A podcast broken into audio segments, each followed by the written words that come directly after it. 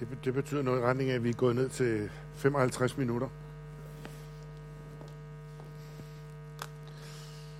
Men det rigtige, det er, det er stort at få lov at, at, at, at fastholde en proklamation. Jeg har besluttet at følge Jesus. Jeg tror ikke, der er nogen, der har taget den beslutning, uden de også har oplevet, hvor svært det så var. Men det ændrer jo ikke på den virkelighed, at vi har. Vi har udtrykt vores ønske. Det var virkelig det, vi kunne. Gud har rørt ved vores hjerter. Og øh, jeg tror på en eller anden måde, den tid, vi lever i, den, øh, den har ændret sig meget for bare få år siden. Øh, når jeg kan huske skoletiden og studietid og tider, der var, det, det, var nogle helt, det var nogle helt andre ting, man diskuterede. Det var nogle helt andre emner. Når vi forberedte os sådan som ungdomsgrupper og sådan noget, så var det tit noget med skabelsesteori, eller det var noget med marxisme, eller det var noget med, med Østtyskland og Kina og måderne, samme måden samfundet skulle være på. Øhm, men det er ikke altid, at tingene de er sådan, som man går og tror. Jeg tror også, at rigtig mange mennesker har sådan en opfattelse af, at der, der er en stor gudløshed. Der er en stor ugudelighed i vores nation. Ja, men jeg tror også, der er en meget, meget, meget, meget stor længsel efter Gud. Jeg synes, at man møder alle vejen. Det er slet ikke, øh, der er ingen grund til at være blufærdig mere for at snakke om Gud. Det kan man åbent. Før i tiden, så var det lidt flovt. Der har nok også været nogle år, hvor det var nemmere at snakke om sex, end det var at snakke om Gud. Men jeg synes, det har vendt. Jeg hørte en lille sød historie den anden dag. Øh, det var i et sogn, hvor, hvor øh, præsten havde opdaget, at der var en, der spillede sækkepibe. En ældre mand, han boede alene for sig selv. Og øh, præsten havde så spurgt ham nogle gange, om ikke han ville spille. Jo, det ville han gerne. Han havde hørt, at han, han kunne virkelig fint spille. Så var der en anden eneboer i sovnet, der døde. Og han havde ikke noget familie. Kone, der ingen, no nothing. Så præsten spurgte den her mand, der spillede sækkepipe, om ikke, øh, om ikke han, han kunne spille for ham ved hans begravelse. Åh, oh, det kunne han da godt. Og, og, og så til sidst den der, sagde præsten, den der med Amazing Grace. Fordi da du spillede den der hjemme, så, så, så fældede jeg en til over, sagde. Det, det må jeg bare sige. Og jo, det skulle han nok. Så øh, han fik så at vide tid og dag, da begravelsen skulle stå for den her mand. Og så skete det hverken værre bedre, at, at øh, ham her, sækkepibespilleren, han kom helt for sent. Han kom for sent ud af døren, og han, der skete noget i trafikken, og han, han, han skulle hen til kirkegården der. Og da han kommer derhen, er der helt tomt. Der er ikke en sjæl. Så han kigger sig omkring, han står der med sin sækkepibe, og han ved ikke rigtig lige, hvad han skal gøre. Øh, graveren er gået, kirkebetjenten og kordegnen, og alt er væk, præsten er væk. Men han kan jo se udgravningen, den er der, så, så han tænker, nå, ja. Men så spiller jeg et stykke musik for ham alligevel, så må jeg bare stå her og gøre det alene. Så han går hen og begynder at spille. Og spiller et, et og to, tre stykker musik. Og så i, i sådan et lille redskabsskur, ikke ret langt derfra, der, der, der sidder graveren og nogle af de andre ansatte og spiser frokost med deres termokanner og deres madpakke. Og så hører de, det var da vidunderligt musik. Kan jeg vide, hvad det er? Og så går de ud og kigger, så kan de jo se, at han står dernede med sækkepipen og klemmer og spiller og puster og spiller alt, hvad han kan. Så de går over, hvor sækkepibespilleren han står, og, og de står så på den anden side af, af hullet. Og så kommer han frem til den der fantastiske sækkepipe-udgave af Amazing Grace. Og så står den ene af graverne så, og ganske rigtigt, der triller en tårer ned ad kinden på ham. Så siger han til ham, der står ved siden af, jeg har arbejdet i den her branche i 40 år. Jeg har aldrig været så bevæget ved nedgravningen af en septitank.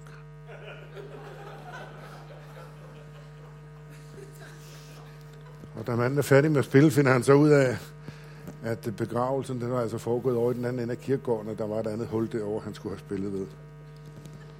Har I nogensinde prøvet noget, sådan, hvor man bliver rigtig forbavset over et eller andet, som man troede var så et eller andet?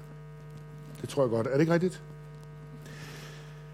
Som sagt, hvis man er vokset op i slutningen af, eller, eller 60'erne, fra 52 for mit udkommende, og så ind i 70'erne og 80'erne, så har verden virkelig ændret sig meget, og det kan godt være, at vi står og forestiller os et eller andet om verden, som slet ikke er sådan, som den er. Øh, Bente Hansen, redaktør på tidligere Information og Politisk Revy, en rigtig, rigtig rød dame, en rigtig, rigtig dygtig, knivskarp, rød journalist, som i mange år var ansat på Danmarks Radio. Hun har lavet en lille bog om ugudeligheden. Og øh, hun beskriver ugudeligheden derude i Vestjylland, hvor hun kommer fra i grundvigianismen og intermission og frafaldet og stridighederne og dem, der ikke ville tro og dem, der ville tro. Og så beskriver hun den gode Jesper Jensen. Hvor mange kan huske Jesper Jensen? Medforfatter til Den Lille Røde. Han var jo altså det store ikon for alle, der havde røde tendenser socialistisk, kommunistisk. Det var ham, der skrev den her uartige sang til Trille, som unge kristne med Johnny Nord og Johannes Fasius i spidsen, de øh, anmeldte for blasfemi. Om øjet i det høje. Om Gud, der sidder deroppe og våger over os alle sammen og venter på en anledning til at straffe os. Omkvædet, kan I huske det? Ham Gud, han er bip svær at komme af med. Og så skriver Bente Hansen, så siger hun, ja, det må man sige. På sine gamle dage begyndte Jesper Jensen at gå i domkirken. Havde gode samtaler med domprovsten derinde, Anders Gadegaard.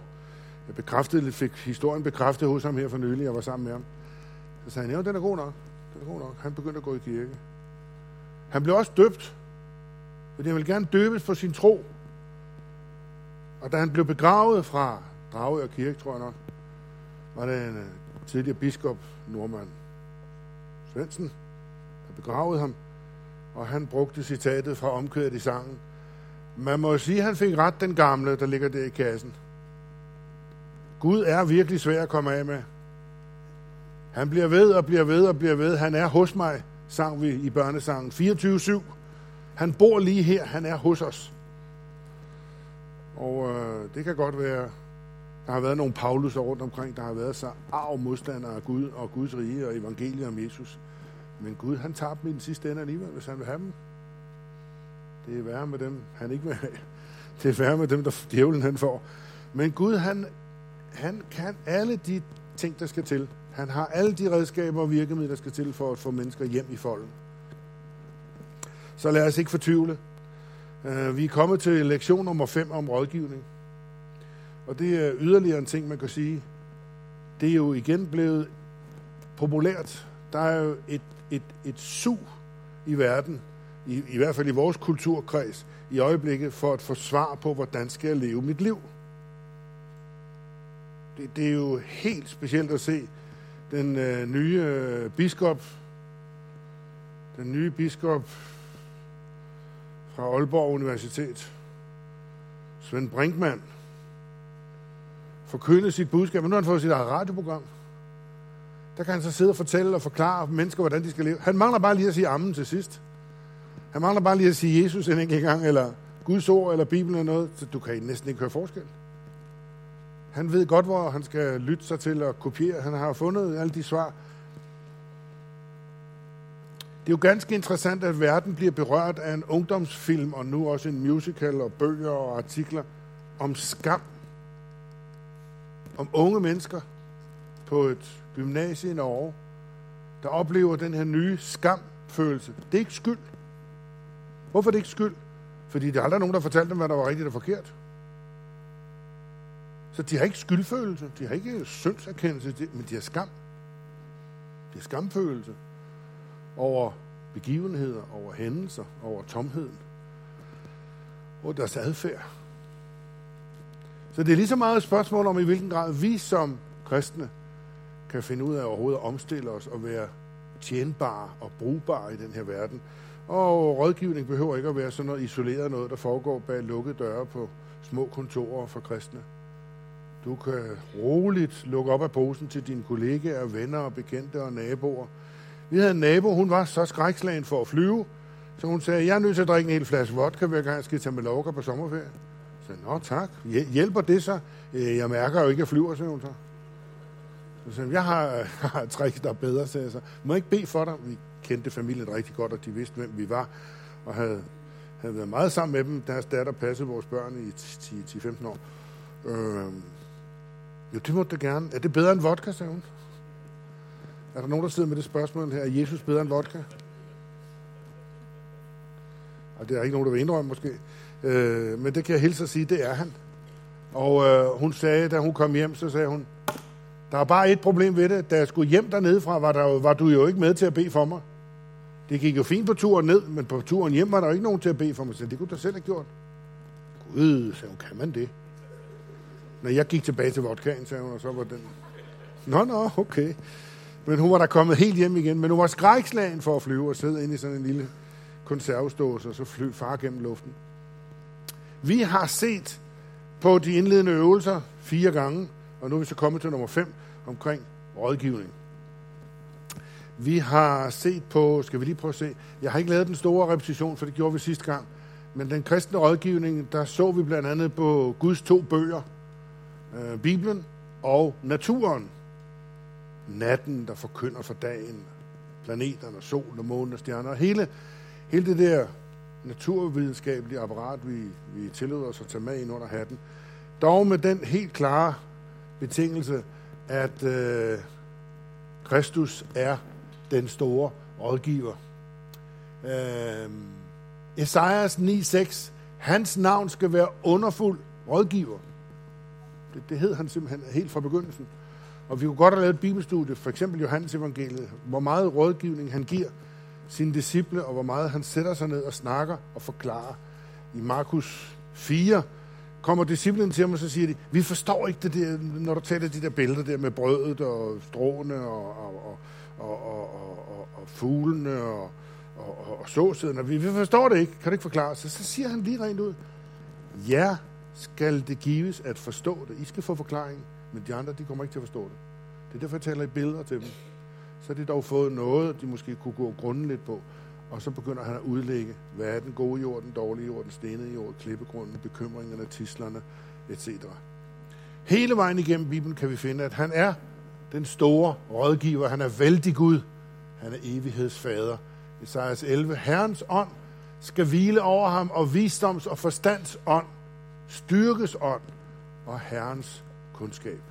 Så den store rådgiver, over alt og alle er Jesus. Vi er forbundet som mennesker, hvad enten vi kan lide det eller ej. Der spurgte herren Kain, hvor er din bror hen? Hvor er din bror Abel hen? Og Kain svarede, det ved jeg da ikke. Jeg er da også ligeglad. Det er ikke mig, der skal passe på ham. Han er jo voksen mand, han kan passe på sig selv. Er du klar over, hvad det er, din gode ven, han er på vej ud i? Er du klar over, hvad der er ved at ske? Sådan og sådan og sådan. Nej, det er du også ligeglad med. Det må du selv om. Ah, ah, siger Gud. Du kan ikke være ligeglad. Vi er forbundet som mennesker. Elsk Gud og din næste som dig selv. Større befaling, større bud findes ikke. Alle andre underafdelinger af bud og anordninger – om det så være sig de ti bud, eller det være sig bjergprædiken, eller det var så Paulus' formaninger, eller lastekartotekerne, som han bruger meget tid på at fortælle, hvor galt det kan gå. Alt sorterer ind under det formål, som Gud har for hver eneste en af os. At elske og ære Gud. Det er det, vi har tilstræbt. Om en fattigt og sparsomt med vores lovsang, så er det det, vi tilstræber. At ære ham og elske ham det er det, der forventes i vores tjeneste vores liv, og vores næste som os selv. Det findes ikke større. Det overtrumfer alle andre anvisninger eller bud. Paulus han siger sådan her i Korintherbrevet, der skal ikke opstå splid i kirken. Lemmerne skal være enige og have omsorg for hinanden. Nu kan man ikke være en kristen uden alt det der pjat med de andre der. Altså, det er ikke holde ud.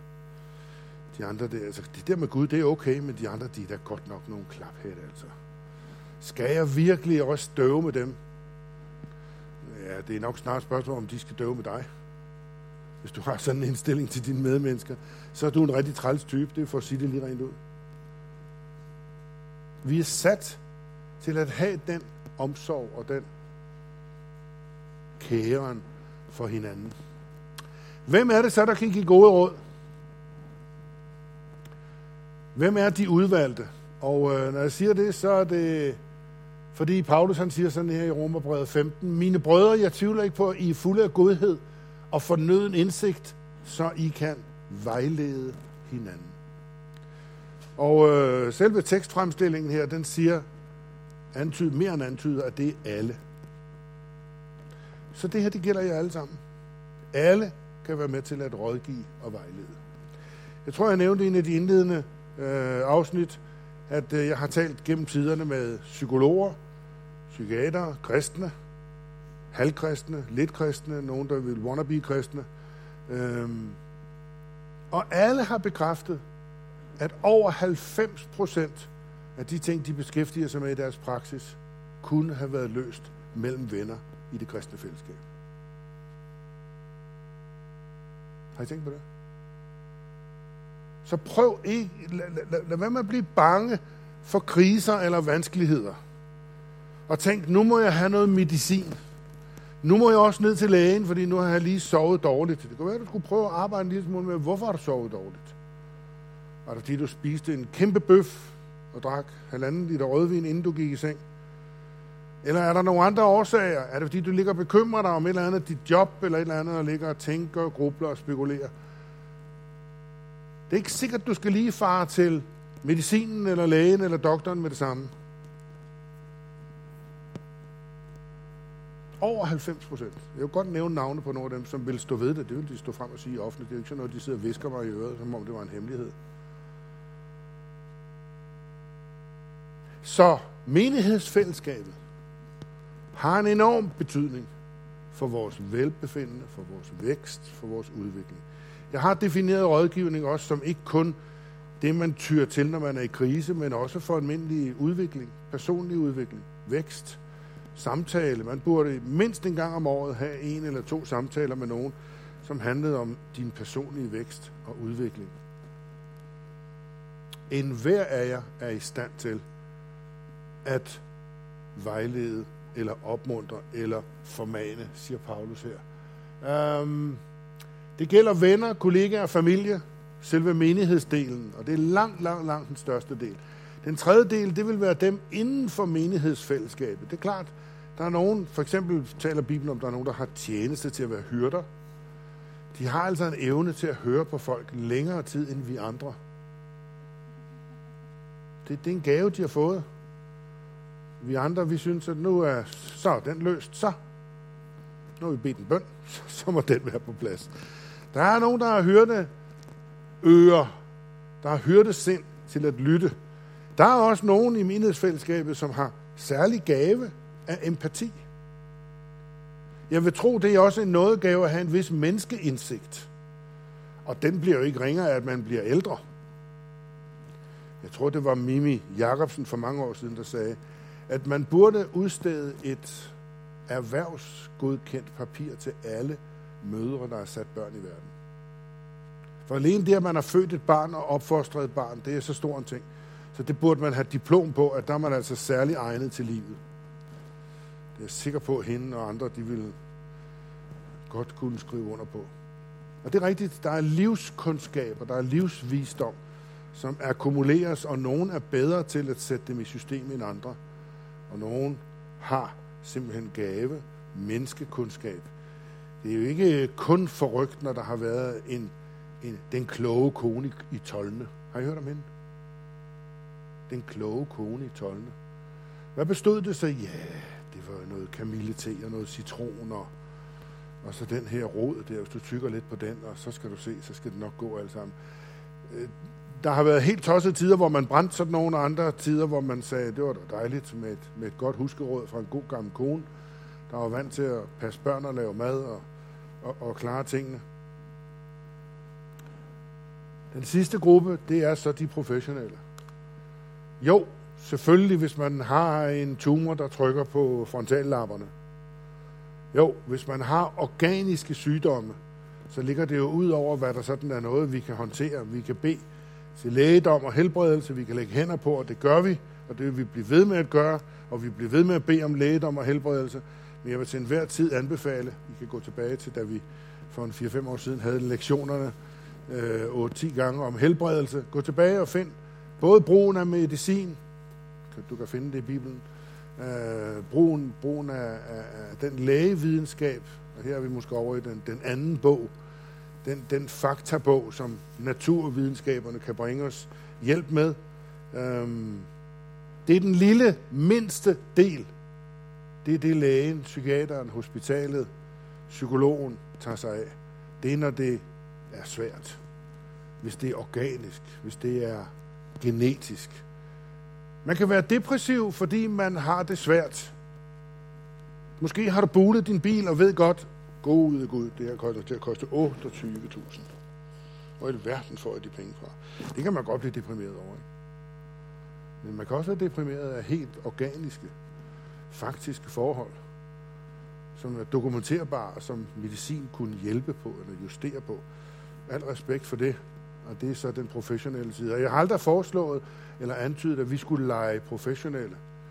Men jeg mener godt, at vi til de første 90 procent kan være med på vejen og bør være det. Hvis du er uenig med mig, så kom og snak med mig om det på et senere tidspunkt. Det græske ord, der ligger bag det her med at anvise eller påvise, det hedder notetis, notetis. Øh, og jeg har så fordansket det ved at give det sådan en adjektivsform her, notetisk. Øh, det er det ord, der bruges her. Jeg er sikker på, at I er forvisset om, at I er fulde af godhed og fyldt med kundskab i stand til også at påminde. En anden oversættelse kunne godt, den gamle en kunne godt have sagt formane. Eller der kunne have stået retlede, vejlede, undervise. Det er et meget stort, det er et meget stort og rigt ord. Hvad skete der lige her? Ja. Kolossenserbrevet 3, 16. Lad Kristi ord bo i rigt mål hos jer. Det vil altså sige, hold Guds ord frem, lev på det, husk det, øh, undervis og forman. Og det er ordet notetis. Forman, altså påmind eller vejled med al visdom hinanden med salmer og hymner og åndelige sanger og syng med hjerte i jeres tak til Gud. Læg mærke til, at der er et ret bredt spekter. Det er ikke kun samtale. Det er ikke kun vejledning eller lytten og analyseren. Det er også lovsang og tilbedelse, hymner og sange, hjertet, lad det ske. Derfor sker det i gudstjenesten, og derfor er det også en vigtig ting for vores, for vores øh, vækstgrupper, at vi har plads til det her. Kolossenserbrevet, ham forkynder vi, og vi formaner. Der kunne også have stået, vi opmuntrer, vi vejleder, vi underviser, vi tilretteviser. En hver og belærer en hver med al visdom for at føre et hvert menneske frem som fuldkommen i Kristus. Kristus. Til Salonikerbrevet siger sådan her, vi formaner jer og påminder de uskikkelige. Vi formaner jer, påmind de uskikkelige. Har vi nogle uskikkelige her til gudstjenesten? Har vi nogle uskikkelige i den her? Er der nogen, der vil melde sig frivilligt? Linda er lidt uregerlig til tider, det er rigtigt. Men nu har vi arbejdet med det, så vi, nu bliver vi ved lidt endnu. Og hvad med Henrik? Du er meget skikkelig, ikke også? Du er for skikkelig. Okay. Så du vil gerne have forbøn til at blive lidt uregerlig? Så skulle du have været med ud til, til tøndeslandingen derude. Kilden til kristen rådgivning er Guds ord og Helligånden. Vi kommer tilbage til det med Helligånden. Vi har allerede haft fat i det med Guds ord flere gange. Vi kommer tilbage til det med Helligånden, som, som han, han kaldes simpelthen rådgiveren. Øhm, notetisk rådgivning, det er vejledende og retningsgivende og trøstende. Og det er meget vigtigt at sige det her for mig. Fordi der har indsnedet sig sådan en attitude om, at man skal jo ikke sådan stikke retning ud for folk. Det skal man jo ikke blande sig i. Nå. Hvad, hvad handler Guds ord så om? Der har snedet sig en stærkt humanistisk attitude ind at sige, du har alle løsningerne inde i dig selv. Du skal bare lytte godt efter til dig selv. Men hvordan er jeg så havnet i det her moras? Ja, men det kunne der være nogle forklaringer på. Men nu skal jeg hjælpe dig til at lytte til dig selv. Men det er jo det, hele historien handler om. Vi er ikke i stand til at frelse os selv. Vi er nødt til at have Jesus til at komme ind i vores verden. Vi er nødt til at have Gud til at komme ind i vores verden og åbenbare og vejlede for os. Hvor var det, jeg drejede forkert? Hvor var det, jeg trådte skævt? Hvor var det, jeg valgte nogle forkerte dispositioner?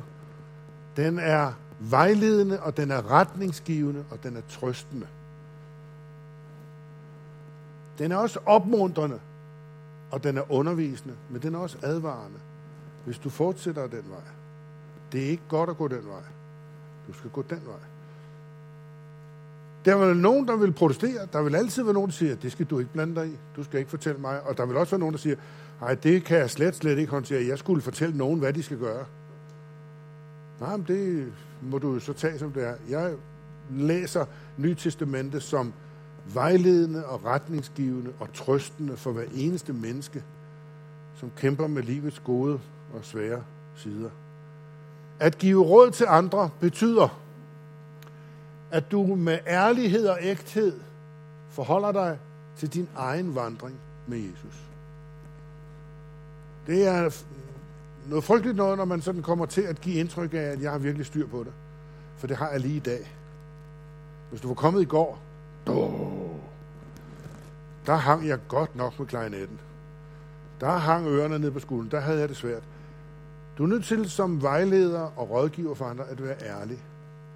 Forhold dig ærligt til din egen vandring, din egen trosvandring, som sikkert ikke altid er femstjernet, som sikkert ikke altid er på de høje navler, men også går igennem tvivl og anfægtelser og kriser, og det er helt fint.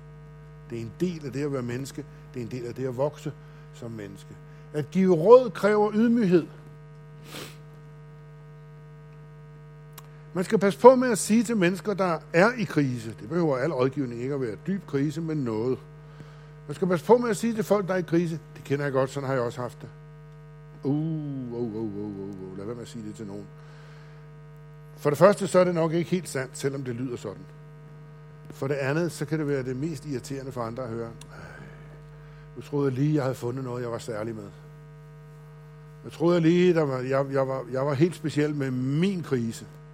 Og nu sidder ham der så og siger, at det er slet ikke spor ualmindeligt. Sådan har vi alle sammen haft det. Pas på med det. På den anden side, pas på med at låse dig selv fast i at tro, at din krise er så enestående. Det er jo bare en almindelig hovmod. Det er fordi, du ikke vil være ligesom andre mennesker. Korintherbrevet siger Paulus, Gud vil ikke tillade, at du bliver udsat for trængsler eller vanskeligheder, som du ikke kan klare. Så du er ikke ved at gå ned. Rolig, rolig, rolig. Tag det helt roligt. Slap af. Du er ikke ved at gå ned. Du er ikke ved at drukne. Du er ikke ved at dø. Vi skal nok få hævet dig i land. Det er kolossalt vigtigt at være lyttende. Og det starter jo der alt sammen, fordi hvis man overhovedet skal yde nogen kvalificeret hjælp til nogen, så må man finde ud af med de gamle kirkegårde, hvor er de henne. Du kan ikke lede et menneske et sted hen, hvis du ikke starter der, hvor de er. Så er du nødt til at lytte, og det kan også godt være, at det er både første og anden gang, hvor du bare lytter og stiller spørgsmål, og så får man dannet sig et indtryk af, hvad er det, der skal til. Husk hele tiden på, som vi så for et øjeblik siden i Kolossenserbrevet, det er ham, vi forkynder. Det er hans ord, der råder. Det er ikke dig som person. Det er ikke mit liv. Du kan måske huske det tidligere, jeg sagde, når vi forkynder, når vi prædiker, og vi giver råd og vejledning, så sætter vi os selv under Guds ord. Det er Guds ord, der er øverste autoritet. Det er ikke fordi præstens liv er så fantastisk, så nu skal jeg fortælle dig, hvordan du skal leve. Det er slet, slet ikke sikkert, det vil være spor rart for dig at leve sådan, som jeg er. Tværtimod vil det nok være rart for de fleste at få lov at være sig selv. Og Jesus. Vores liv er ikke løsningen. Hans liv er løsningen. Frelse betyder genoprettelse, og når, Hebræer, eller når Efeserbrevet siger, han udruster, han, han har givet os tjenester i menigheden for at opbygge de hellige, så er det det samme græske ord, som bruges om fiskerne, der reparerede deres garn. Han bøder vores liv. Det, som synden har ødelagt, det, som syndefaldet har knust og ødelagt og, og, og, og, og skævvredet, det retter han op. Han bøder vores garn. Vi er så heldige, at vi har en garnbøder her i menigheden. Det må vi høre noget mere om en dag. Stå op sammen med mig.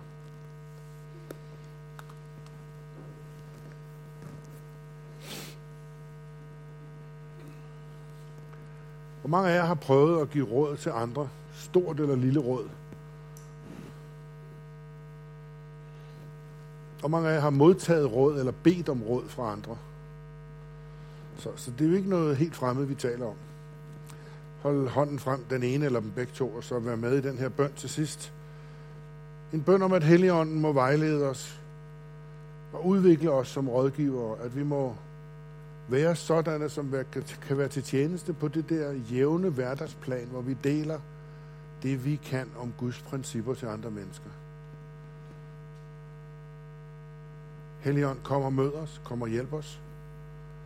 Tak for din nåde, som du henter hos den almægtige Gud, som du kender fra faderens hjerte. Tak, Helligånd, fordi du, du kommer med det til stadighed til os. Tak, fordi du, du fylder os med visdom og indsigt. Tak, fordi du er den store rådgiver. Du er talsmanden, som går ved siden af os og hanker op i os, hjælper os og bringer os på rette vej og på rette spor. Beder for enhver, som kommer i situationer fremover til at rådgive, må de være frimodige og fuld af tro og fuld af dit ord. Vi beder om, at dit ord må bo i rigt mål i blandt os, blandt alle, der har hørt til denne her menighed og kristne i det hele taget, må vi få noget til at have dit ord rigt boende hos os, til at vejlede os, trøste, opmuntre, undervise og frelse. Amen. Værsgo til plads.